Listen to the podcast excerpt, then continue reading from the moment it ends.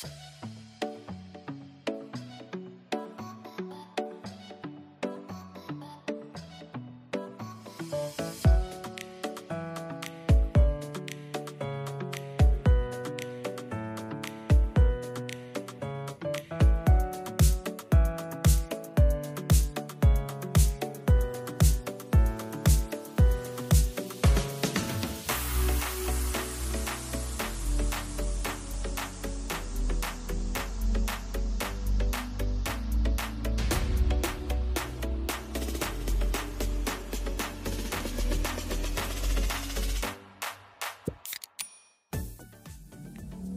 Assalamualaikum warahmatullahi wabarakatuh. Balik lagi di sini bersama Widi dan Bapak Ernest di podcast Suara Wiri. Hari ini kita bakalan ngomongin tentang eh, kan kita udah sempat ngedengerin sama Rizka sih berdua tuh udah ngedengerin YouTube-nya siapa sih? Ustadz siapa ya? Nah, pokoknya tentang sihir uang kertas lah nih Di Jogja ya gitu teh. di Jogja. Nah, Widi tuh mau ngobrolin tentang sihir uang kertas tuh gini. Ya kita mah nge-share ulang aja sih sebenarnya. Nge-share ulang ke teman-teman pendengar kita bahwa eh sejak kapan kalian tahu bahwa Bank Indonesia itu adalah bukan milik Indonesia? Bapak pertama kali tahu BI itu bukan milik Indonesia kapan, Pak? Dirinya ngeser orang berarti ya? Ya itu sama 2018. 2018 ya? Padahal orang, Berarti kayak gitu, Pak. padahal orang, jurusan perbankan nih. Emang awal gimana Pak? Maksudnya eh Bapak pemikiran bahwa Bank Indonesia itu milik Indonesia gitu. karena ada nama Indonesianya. Bener kan? Bener gak sih? Iya benar. Kan di belakangnya Bank Indonesia. Nggak kira saya mah kan orang mah jurusannya sosial wajar teh nyaho. Kan dirinya mah teu jurusannya Tapi- perbankan syariah. Tapi nggak ada loh pas saya kuliah yang ngomong Bank Indonesia tuh milik asing nggak ada. Milik swasta nggak ada yang pernah bilang. Bank Indonesia, kita kan punya bank milik Indonesia. Apa Bank Indonesia? Itu tuh selalu sok coba tanya. Kan gitu. Biar nggak penasaran, sekarang kita tanya ke Fakultas Ekonomi. Iya, iya, yang iya. lagi kuliah. Tahu nggak Bank Indonesia milik siapa? Punya Indonesia coba. Nggak, maksudnya gini loh Pak, kalau saya mah dulu eh, kalau dari sosial mah dari sejarah ya Pak. Dulu itu kita punya bank BNI 46. Ya, itu nah itu benar Bank Eh, Indonesia. kan BNI 46, tapi dirubah. Dirubah, nah bilangnya dirubah. dirubah kan logikanya dulu kita punya bank BNI 46 Heeh. dirubah namanya jadi Di bank Bank Indonesia berarti kan punya Indonesia Ternyata bukan dirubah, buat lagi baru. buat lagi baru Kenapa? Soalnya BNI-nya sekarang masih ada, mau dipikir-pikir kan? Kan Kalau dirubah berarti BNI yang dulu udah nggak ada, Udah dah. ada. BNI masih ada. Eh, makanya pas ternyata Bank Indonesia kan gini dalam pemikiran kita itu bahwa Bank Indonesia itu nyetak duit pak. Kalau dulu saya mikir gitu. Emang bener, orang pemikiran nyetak duit bang. Padahal yang nyetak duit apa Perui. terus orang mikir dia kenapa bisa terjadi inflasi sih? Orang kan orang di sosial gitu maksudnya eh ya kan logikanya udah aja tinggal tarik uang yang beredar di masyarakat sikat deh gitu loh Hmm. ya maksudnya kasih pemerintah ngasih stimulus aja atau pas susahnya gitu loh ternyata tidak semudah itu pak maksudnya apakah pemikiran yang sekarang ini kayak jika orang gitu ya, or- orang mah yakin masih kayak gitu karena memang dari pem- dari pembelajarannya pun gitu. nggak nggak transparan kan nggak Iya. dikasih kebenaran Dan bisa jadi dosen-dosen yang mengajar juga nggak tahu bahwa.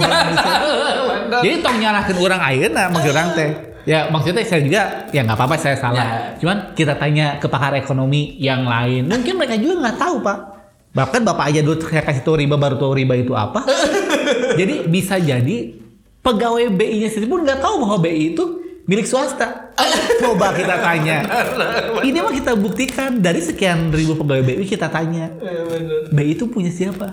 Punya Indonesia aja. namanya juga Bank Indonesia Namanya juga Bank Indonesia kayak gini. Ada channel YouTube siapa ya? Aduh orang orang Bandung dah. Jadi dia teh suka nyamar-nyamar jadi supir. Kayak kemarin mah lagi sering dia teh sama teman-temannya eh, sama kayaknya punya eh, anak asuh lah gitu. Dijajarin. So kalau bisa nih hadiahnya 100 ribu udah gitu. Dia nanya ke bapak-bapak. Pak saya mau nanya. Kalau bener saya kasih uang 100 ribu. Bapak tahu nggak seminggu tuh berapa hari? Tujuh. Ah yang bener pak. Digituin bapak bapak. Coba nanya ke, coba tanya ke temennya. Ditanyain. seminggu berapa hari? Oh. Bener sampai dia juga nggak nggak yakin kan? Kayak gitu. Senin, Selasa, Rabu, Kamis, Jumat, Sabtu, Ahad, tujuh. cuma. Ah yang bener Pak. Coba tanya. Ditanya gerak ke orang lain. Kan hal yang udah pasti aja orang manusia tuh ya kalau dikasih hadiah tuh masih bingung. Soalnya kalau salah kan nggak dapat hadiahnya. Iya. Sama orang BI coba tanya. Ini mah kan kita kan sebagai dulu pernah kerja di perbankan juga nggak tahu bahwa BIT ternyata bukan milik Indonesia. Terus yang paling lucunya gini loh Pak. Di sejarah itu kan sebenarnya itu teh ada di eh, hasil konferensi meja bundar Pak. Heeh. Kenapa kita nggak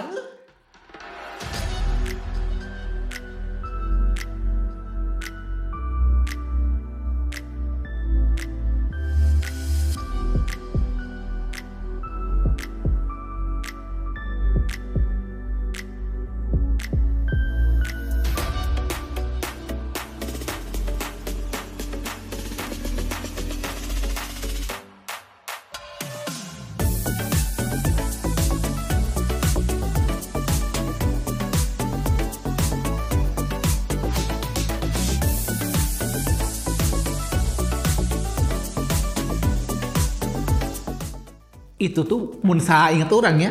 Saya ingat orang kalau dengerin video yang kemarin, nonton video yang kemarin, nggak pernah diceritain sama guru sejarah. Hmm. Ben, orang mah bener ngerasa konferensi meja benarnya hasilnya Indonesia tuh negaranya ini ini ini nggak nyampe ke ekonominya. So, Oh, sok oh, nyampe nggak? iya, Nggak iya, nyampe. iya, bener. Dan pada saat kita belajar ekonomi pun nggak dibahas di konferensi meja bundar. Dulu tuh pertama negara dari- dari konferensi meja bundar gini loh. Mm. Kayak konferensi meja bundar menghasilkan hasil perjanjian ini ini ini loh. Indonesia kalau naonnya, so harus di searching eh. Ya, ya, ya. Cuman kayak perjanjian eh, wilayah kita yang kayak ini wilayah iya iya betul ini betul, ini. nggak dibilangin bahwa itu yang tadi. Kamu kan mer- oke kamu merdeka tapi kamu nanggung hutang. Benar nggak? Itu kan nggak dibilangin. Terus kamu buat bank lagi boleh kamu merdeka tapi saya boleh buat bank dong Iya, karena harus nggak- kebayar. eh, nggak apa-apa namanya bank Indonesia Ah. tapi saya yang buat kan Iya, itu nggak diceritain Ah, benar. maksudnya tidak disampaikan kan sejarah itu cerita itu nggak disampaikan Tapi kan logikanya gini, mau cek saya katanya. Kan Indonesia ini tuh membayar nih, membayar eh, pinjaman eh, Netherlands pada saat itu untuk menjajah Indonesia, Pak. Indonesia teh bayar, Pak. Hutangnya Netherlands untuk ngejajah kita teh Indonesia teh bayar, Pak. Jadi maksudnya Netherlands ngejajah Indonesia teh dibiayai dibiayai sama Bank Indo eh Bank Dunia. Ya, eh. Itu teh hutangnya teh dibayar sama kita buat merdeka nih. Kan itu tuh Pak amazing sekali. Terus yang paling lucunya tuh kenapa mau udah udah beres banyak udah weh kan enggak kewajiban Indonesia udah bayar kan gitu loh tapi kan ternyata ya ini orang mengkareka bahwa ya memang Bank Dunia ingin menguasai ya maksudnya intinya punya bukan apa bukan mata-mata tuh ya Eh, punya punya instansi yang untuk memantau perekonomian sebuah negara kan gitu loh Iya, dan memang di dunia kan mereka kan di dunia di kan. dunia maksudnya sebenarnya. eh, World Bank kan gitu Iya. loh maksudnya jadi tapi kan secara sejarahnya kan ngeri pak ternyata kan ya gitulah sistemnya kan di saat negara itu butuh uang sok bisa minta duit ke World Bank gitu kan pinjaman ke World Bank terus misalnya nanti eh ya udah sok pinjam ke World Bank atas nama seluruh bangsa Indonesia. Itu Pak, nu saya bingung gitu. Mengatasnamakan seluruh bangsa Indonesia untuk berhutang gitu kan. Mungkin Pak di PKS-nya harus gitu. Jadi nggak bisa atas nama perseorangan, Kenapa nggak atas nama nama presidennya? nggak bisa. Ya kan, kan si World Bank itu punya peraturan sendiri. Kayak kita dulu pas kerja di perusahaan perbankan, kan ada peraturan sendiri kan. Tiap banknya beda-beda. Kan peraturan ini mah kalau mau minjam misalnya harus persetujuan seluruh apa rakyat negaranya. Nah, yang diwakilkan sama presiden maksudnya gitu. Iya. Ya terus kan Pak, yang lucunya lagi, oke, misalnya di apa? Dipinjemin. Terus cara bayar pinjaman ini gimana? Ya udah pajaki aja. Kan you punya Mm-mm. warga negara, udah aja pajaki aja buat bayar hutang nih gitu kan. Terus yang paling lucunya lagi tuh dikorupsi lagi sama pejabat itu. yang bayar hutang tuh ya. jadi nunggak. Nah, jadi coba kalau nggak dikorupsi, nggak nunggak.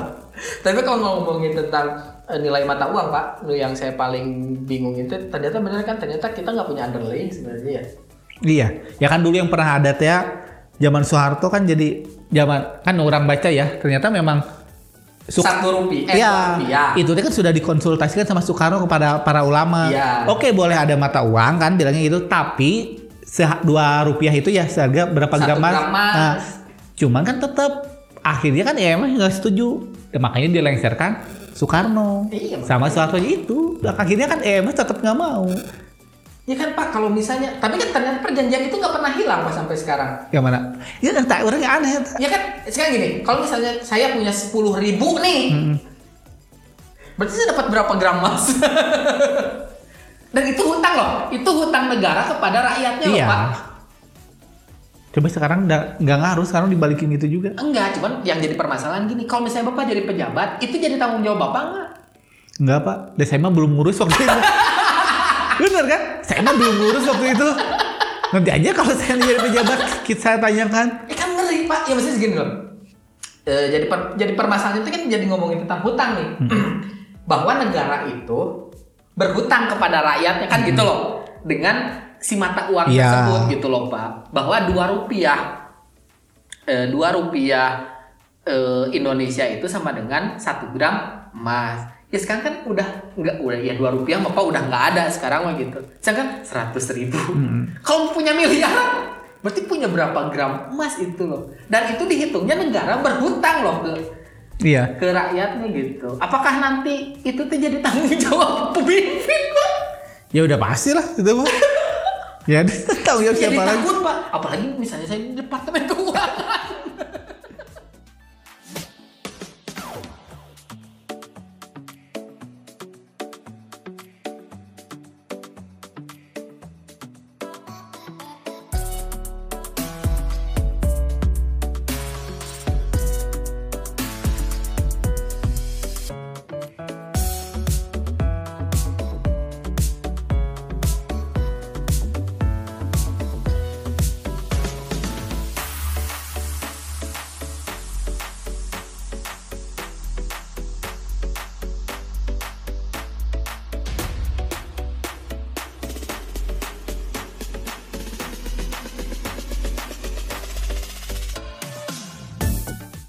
Ya udah pasti itu mah ya tahu. Maksudnya saya tapi terlepas dari bagaimana pertanggungjawabannya kan kita juga nggak tahu. Cuman kalau balik lagi ke situ ternyata ya memang benar gitu.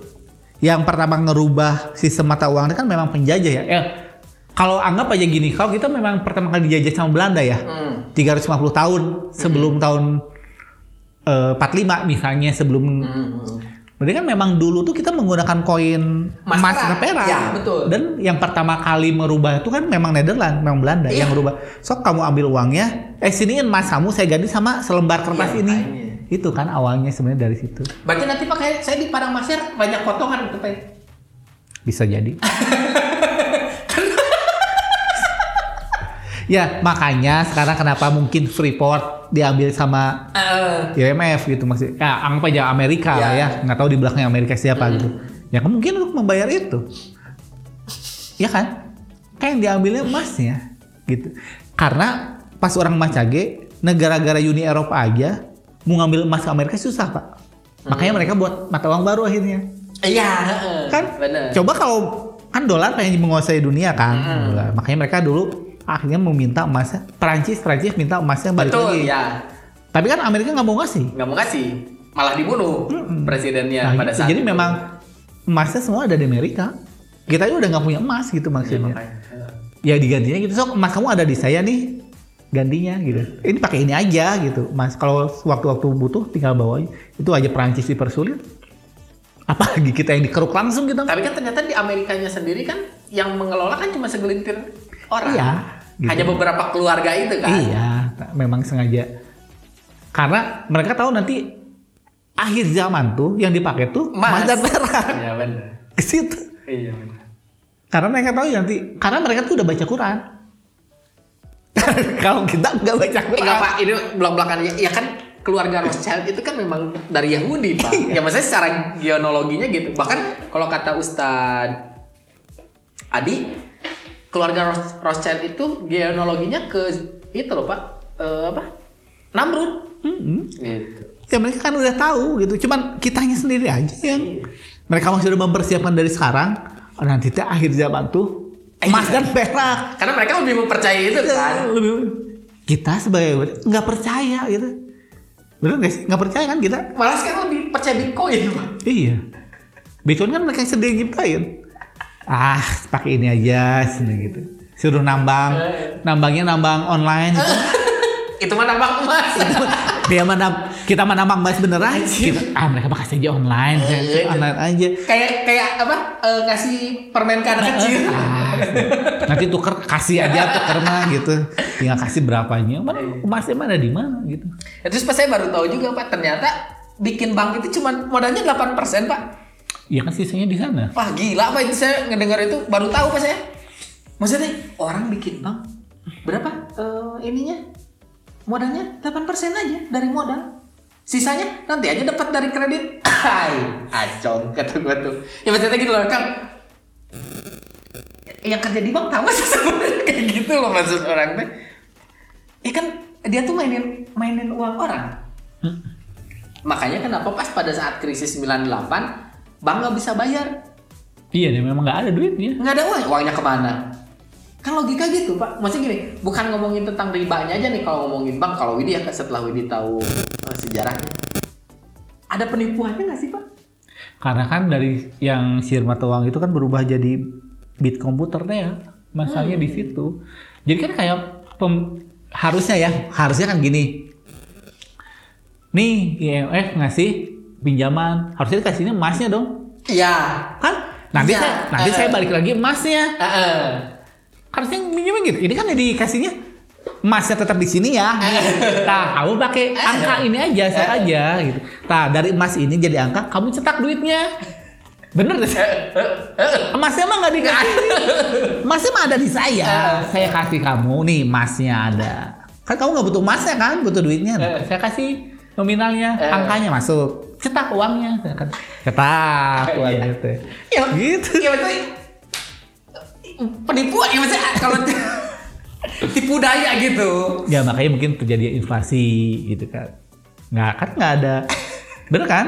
Jadi uangnya tambah banyak, tambah banyak nggak ada harganya kan. Semakin banyak barang yang beredar, sok bapak sekarang. Kalau cabai lagi banyak murah kan? iya benar Uang banyak, eh, eh uang duitnya Eh, balatak Eh. saya.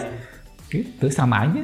ya karena ya lucu juga gitu kalau misalnya memang eh, di BI-nya bahwa status uang itu liabilitas maksudnya hutang kan lucu pak berarti kan sebenarnya hutang itu dalam artian ini, ini gue kreditin gitu sebenarnya duit itu nggak ada di bank gitu kan Nggak ada. Dan jumlah uang yang beredar di kita kan memang dibatasi ya kan. Makanya. Coba kalau sesuai sama jumlah gini nih, fisik uangnya sesuai sama yang nominal adanya nggak? Pasti inflasi.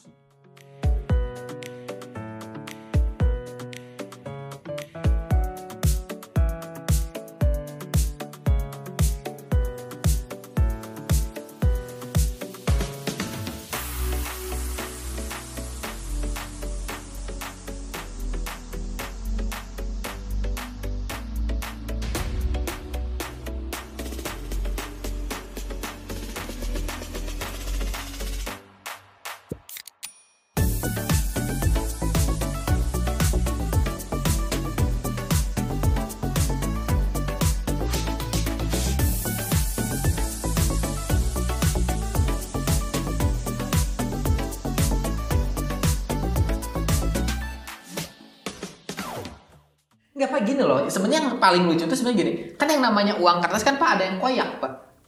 Koyak ya? hancur. Oh, ah. nasibnya gimana? Dia dihancurin aja, Pak. nggak ada harganya kan? Sedangkan itu satu gram emas loh pak. Dua dua rupiah aja satu gram emas loh pak maksud saya tuh. Berarti kan aduh kumah ya. Eh, nggak takut logikanya nggak masuk. Jadi gini logikanya kan itu teh harta kita nih. Ya jika akang nih misalnya nyimpen seratus ribu di bawah kasur. Tiba-tiba digigit tikus gitu loh. Kan seharusnya itu teh masih ada dua anggaplah eh, jangan seratus ribu dua dua rupiah. Berarti itu kan sebenarnya masih ada nilai Hmm. dua gram emas dong seharusnya. Dan itu tuh maksudnya teh masih bisa beredar di masyarakat. Tapi kan kalau udah gitu udah nggak bisa beredar di masyarakat. Hmm. dan BI pun nggak mau ngambil. Dihancurin aja. berarti kan sebenarnya itu hutangnya gimana? Wah, ngerti nggak? Maksudnya aja takut logikanya nggak masuk ya maksudnya pencatatan di BI nya gimana sih kayak gitu? Atau misalnya ah nggak sih eta mah eh ah. Naonnya mau pas orang di bank mah jadi seakan-akan bawa eh, force major lah misalnya kayak gitu. Berarti kan keli maksudnya harusnya kan nggak tahu nih apakah memang orang-orang di BI ngeh sadar atau misalnya gimana. Kan artinya kan jadi permasalahan dong pak. Eh, misalnya di masyarakat itu eh, nyebar sekian m gitu. Terus tiba-tiba pas kembali lagi eh itu sakit eh ke mana eh mungkin ada yang hilang ada yang hancur atau Hmm. gimana jadi permasalahan nggak sih kayak gitu kan harusnya menjadi permasalahan harta Mm-mm. Lebih baik. Karena, gini, Pak. Sekarang orang-orang tahu nggak yang pasal apa pasal berapa? Pasal 10 pasal berapa sih yang tentang satu dua rupiah satu gram emas itu? ah iya Nah itu lagi, orang-orang pada tahu nggak? Nah itu Dan saya masalah. juga baru tahu Baru tahu. Nah sekarang kalau dibahas dari situ ya, orang-orang pada nggak bahwa mereka tuh punya uang tuh sebenarnya bisa ditukar ke emas loh. Kita bisa. Iya. Hmm. Nah orang-orang ngeh dulu nggak itu gitu maksud nanti. Iya. Kalau orang-orangnya ngeh, mungkin mereka kalau udah tahu ya ternyata ada peraturannya loh. Itu. Mungkin, ini mah pendapat pertama orang, mungkin mereka bisa menagihkan. Tapi kalau nggak ngeh, mah tuh apa ya peraturan itu? Coba, coba tanya. Kita tanya ke ke dosen ekonomi lagi. Bapak, bapak saya itu mah tahu? kemarin nanya ke dosen manajemen pak Udah tahu. udah nggak tahu Ini kita tanyain. Tahu nggak peraturan itu gitu maksudnya? Dan maksudnya dan itu tuh berla- masih berlaku nggak gitu? Orang kita ta- kita tanya ke Menteri Keuangan misalnya DM. Itu tuh masih berlaku nggak itu deh? Ah itu mah udah nggak berlaku sih. Kan kita nggak tahu apa berlaku. Satu. Terus yang kedua berlaku apa masih berlaku apa enggak gitu si hukum itu tuh. Terus orang-orang teh kalau bener-bener orang dengan itu se Indonesia, so kumaha eta mah pemerintah? Ya kan kata si Ustadz itu dia ngomong paling juga nanti BI ngomongnya gini itu hutang kami negara terhadap kalian ya udah. Tain- Kalau diminta kan mereka nggak bisa bayar. nggak bisa nggak bisa itu aja ngomongnya Iya gitu. jadi itu mah hutang negara terhadap kalian rakyatnya. Berarti ya negara itu nggak semua hutang ke rakyat hutang ke negeri. Di situ dikorupsi pula. majakan di orangnya. Enggak sih eta teh hutang ka urang. Kalau orang ditagih pajak, nya eh, Apa itu? nya itu heh. mana hutang seueur tapi mana bayar pajak heula. Orang hutang tapi mana bayar pajak jangan bayar kan ya kan bener lagi karena sistem yang dari dulunya udah ada jadi susah ya untuk keluar dari situ. Dan memang Bank Dunia kan gitu kalau negara merdeka kan sekarang anggap ya Afghanistan. Pasti didatangin Pasti dari karena apa? Ya kan mereka nggak punya uang. iya. Kasihnya apa? Dolar. Kecuali memang mereka nggak mau nggak mau berhutang ya gitu. Maksudnya bener-bener nggak mau berhutang. Terus mereka pakai kekayaan al- alam mereka sendiri. Kecuali gitu. Kalau masuk lagi ke IMF gitu ya gitu kan pasti sok emasnya mana? Ini uangnya. Hmm. kalau uang sebagai kecuali mereka mau bagi ke dinar sama dirham. Bikin aja mata uang icek orang sih kecuali gitu. Cuman yang mungkin dikucilkan. Pasti kan kayak Ko- Korea Utara Ya makanya kan sekarang China pengen bikin mata uang sendiri Pak. Iya. Karena tidak mau ikut tentang monopoli dolar Iya. gitu. Makanya kan sekarang eh, Amerika sama China lagi perang Iya. dagang. ya sama kayak gitu Indonesia juga tapi yang anehnya kemarin kan ada yang jual beli pakai koin Hmm. ditangkap kan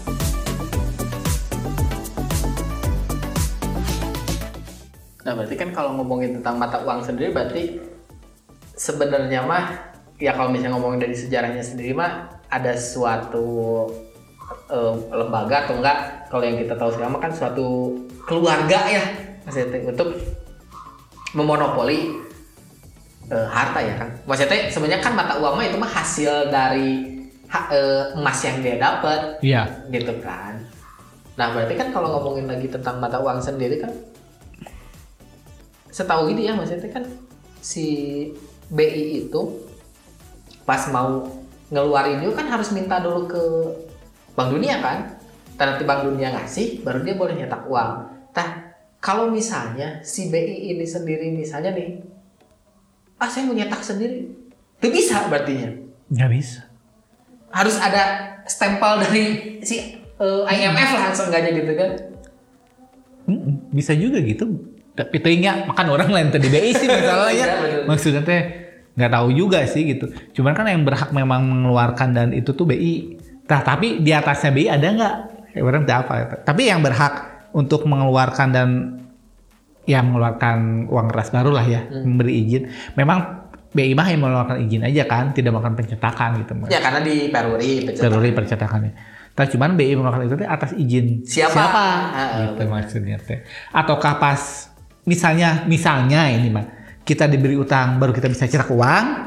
Ah iya ataukah memang oh ini nih udah ataukah memang oh bebas kapan aja nyetak uang mah asalkan BI ngasih istilahnya ngasih. Sekarang nih buat uang baru kayak misalnya suka pas lagi hari raya kan suka ada uang baru itu teh apakah harus ada izin dulu dari IMF gitu. Ataukah memang udah dikasih izin nih dapat sekian triliun ya misalnya. Oh, dicetaknya ya. bertahap ya Ah. gitu. Ataukah gitu gitu. Ya itu nggak tahu sih. Karena kan gini eh, kalau misalnya di ya kita logikain kan kayak dana-dana APBN atau APBD kan harus habis pak. Nggak boleh bisa kenapa ya? Saya suka aneh deh. Kan bukan kalau nyisa teh bagus. Nah, itu tuh soalnya itu tuh yang gitu teh ya, pemikiran kayak gitu. Itu tuh sampai ke Karang Taruna, Pak. Kan orang pernah ketua Karang Taruna ya. ASS nah tadi nolgen cenah. Kata sih, kan kita ada laporan pertanggungjawaban ya ke bapak-bapak biasa kan gitunya Karang Taruna teh ya ke pengurus RW gitu. Atau sakit itu mah nolgen we. Nah, itu tuh cek orang gitu, pemikiran orang karena memang dari atasnya udah gitu. Sampai ke Karang Taruna pun orang pas itu pas orang ketua ada sisa tuh. Nah, tadi nolgen sih. Harusnya kan ya nggak apa-apa ada sisa. Sisanya buat kalian aja masih mending gitu Eh. ya. Dan maksudnya jadi ada pertanggungjawabannya memang sisanya segini, ada sisa ya udah mangga ini buat pembubaran panitia misalnya. Kalau nggak ya udah sisanya disumbangin ke masjid ya. Kenapa nggak gitu gitu maksudnya? Daripada ngasih tuh dia nolkeun we gitu. Kasih sirian gitu bapak-bapak ngerti nggak sih? Itu tuh kan berarti kan mereka bisa menanggapi gitu deh karena di atasnya mereka pun mengalami itu maksudnya teh apakah di kantornya apa di pekerjaannya gitu. Terus gini pak jadi kepikirannya kan kalau misalnya harus di nolin tuh berarti sisanya tuh kan harus habis. Mm-mm. rata-rata di korupsi. Tapi bener orang pas gawe di kopo. Hmm. eh termasuk kayak pengembalian umbu eh.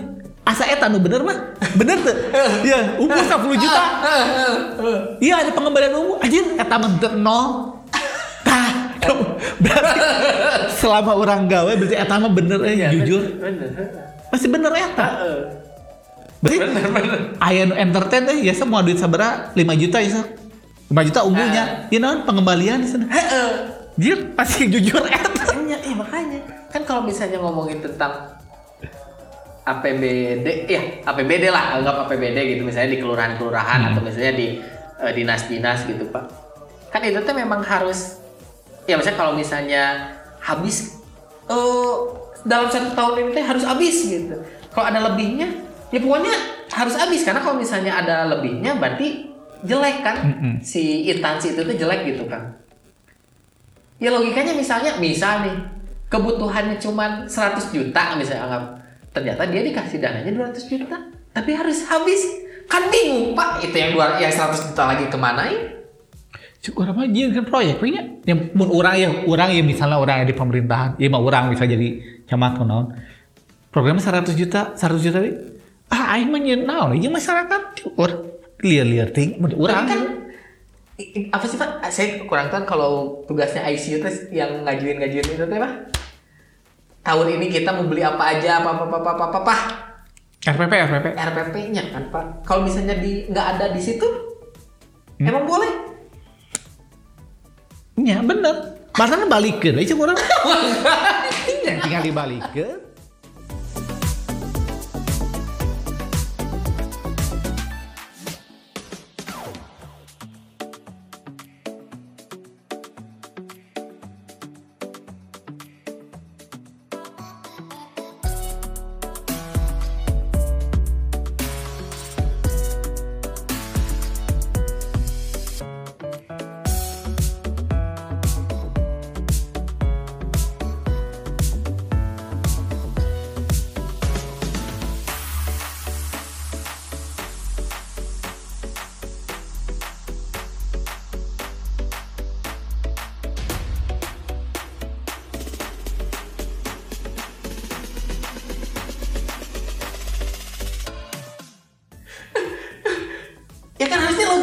Gitu. Makanya yang lucunya tuh kalau di saat ada sisa kan jadi seakan-akan di, di apa? Mm-mm. Lem Aibon berapa? kalau nggak misalnya harga sofa atau misalnya kayak kemarin tuh, eh enggak kemarin sih udah berapa tahun yang lalu. Harga PC gitu kan. Misalnya harga PC teh satunya 8 juta. Oh ternyata ada lebih. Udah naikin aja PC-nya 10 juta. Sedangkan gitu. Pakai dana bos ya waktu zaman bos pertama-pertama kan gitu pak. Kepala sekolah ada kasus kayak gitu. Kan yang kemarin juga gitu. Oh, apa ya? Keep gitu ya. Itu, itu kan dana-dana sisa. Dana-dana sisa, ada sisa ya nggak apa-apa jadiin keep dari eh, partai mana gitu loh maksudnya. Orang, orang cuma denger gitu sih. Dari partai ini ada sisa nih. Sok cukuplah buat satu tahun mahasiswa kuliah tahu berapa tahun tapi nominalnya segini gitu. tapi eh, nggak segitu ya buat kita segini ya gitu ayo main gitu hayang we kebagian deh gitu maksudnya. Ya, saya pun jadi ingat yang waktu itu pak, saya pas waktu di hotel pak, itu dana 400 juta pak dari dinas lah. Pokoknya satu tahun ini kita eh, di hotel ini ya, berapa pak? Ya ini ada dananya 400 juta. Oh, Oke siap. Ya 400 juta bagi 12 lah setiap bulan kan harus ada acara. Tapi 30 jutanya, eh 30 persennya balikin lagi ya ke kita ya. Ini 30 persen dari 400 juta pak. tapi pas saya nanti balikin lagi ini mah ini mah misal Nah, kita laporkan itu misalnya hmm. ke atasannya misalnya ke yang lebih atas lagi mereka jawabnya gini "Nah, emang udah bisa gitu Cina. Nah, ya, iya. kumaha so. Ya. kan kita jadi Iya. anjir gitu jadi asal orang yang jadi, salah. jadi orang bego nya itu orang nu bego gitu dan memang harusnya gitu udah bisanya juga. Di jumlahnya juga SOP-nya juga. Oh iya pak. Jadi kita yang bego ya? Itu nggak sih? Kita selalu selalu ngelaporin bahwa bapak tuh anak buahnya dari pas dilaporin memang jumlahnya gitu. Ataukah jumlahnya atau SOP-nya gitu? Sebenarnya gitu maksudnya. Ya kan? Ini mah kita nanya. Pas dilaporin itu dan memang jumlahnya gitu jadi Saya tuh dari 30 persen itu kebagian lagi pak. nggak apa-apa dan memang disuruh dia juga dihabisin terserah gimana caranya Aduh jadi karena ini udah ada aturannya pas ah iya sudah ya udah berarti kalau gitu nggak salah sebenarnya mereka Hmm. karena kan mereka mengikuti aturan berarti mereka pegawai yang baik benar kan absurd anjing. Asli lah. Tapi pak saya kalau ngomong ini saya pusing. Iya memang kalau ngomongin gini jangan terlalu dibuat serius. Udah percuma kita buat serius juga. Iya nggak akan nggak tidak ngaruh apa apa ya. dia dengar apa cuman kita melihat di berbagai biasa persepsinya. Bisa aja kan kita balikin lagi kayak tadi. Ternyata mereka menganggap ya emang biasa kayak gitu. Kan jadi kita yang bego gitu maksudnya Emang kita ngomenin aja ya. ngomongin aja. Jadi misal kita yang bego gitu dan memang gitu pas dan atau enggak ke pihak yang bagian pengawasannya lah gitu.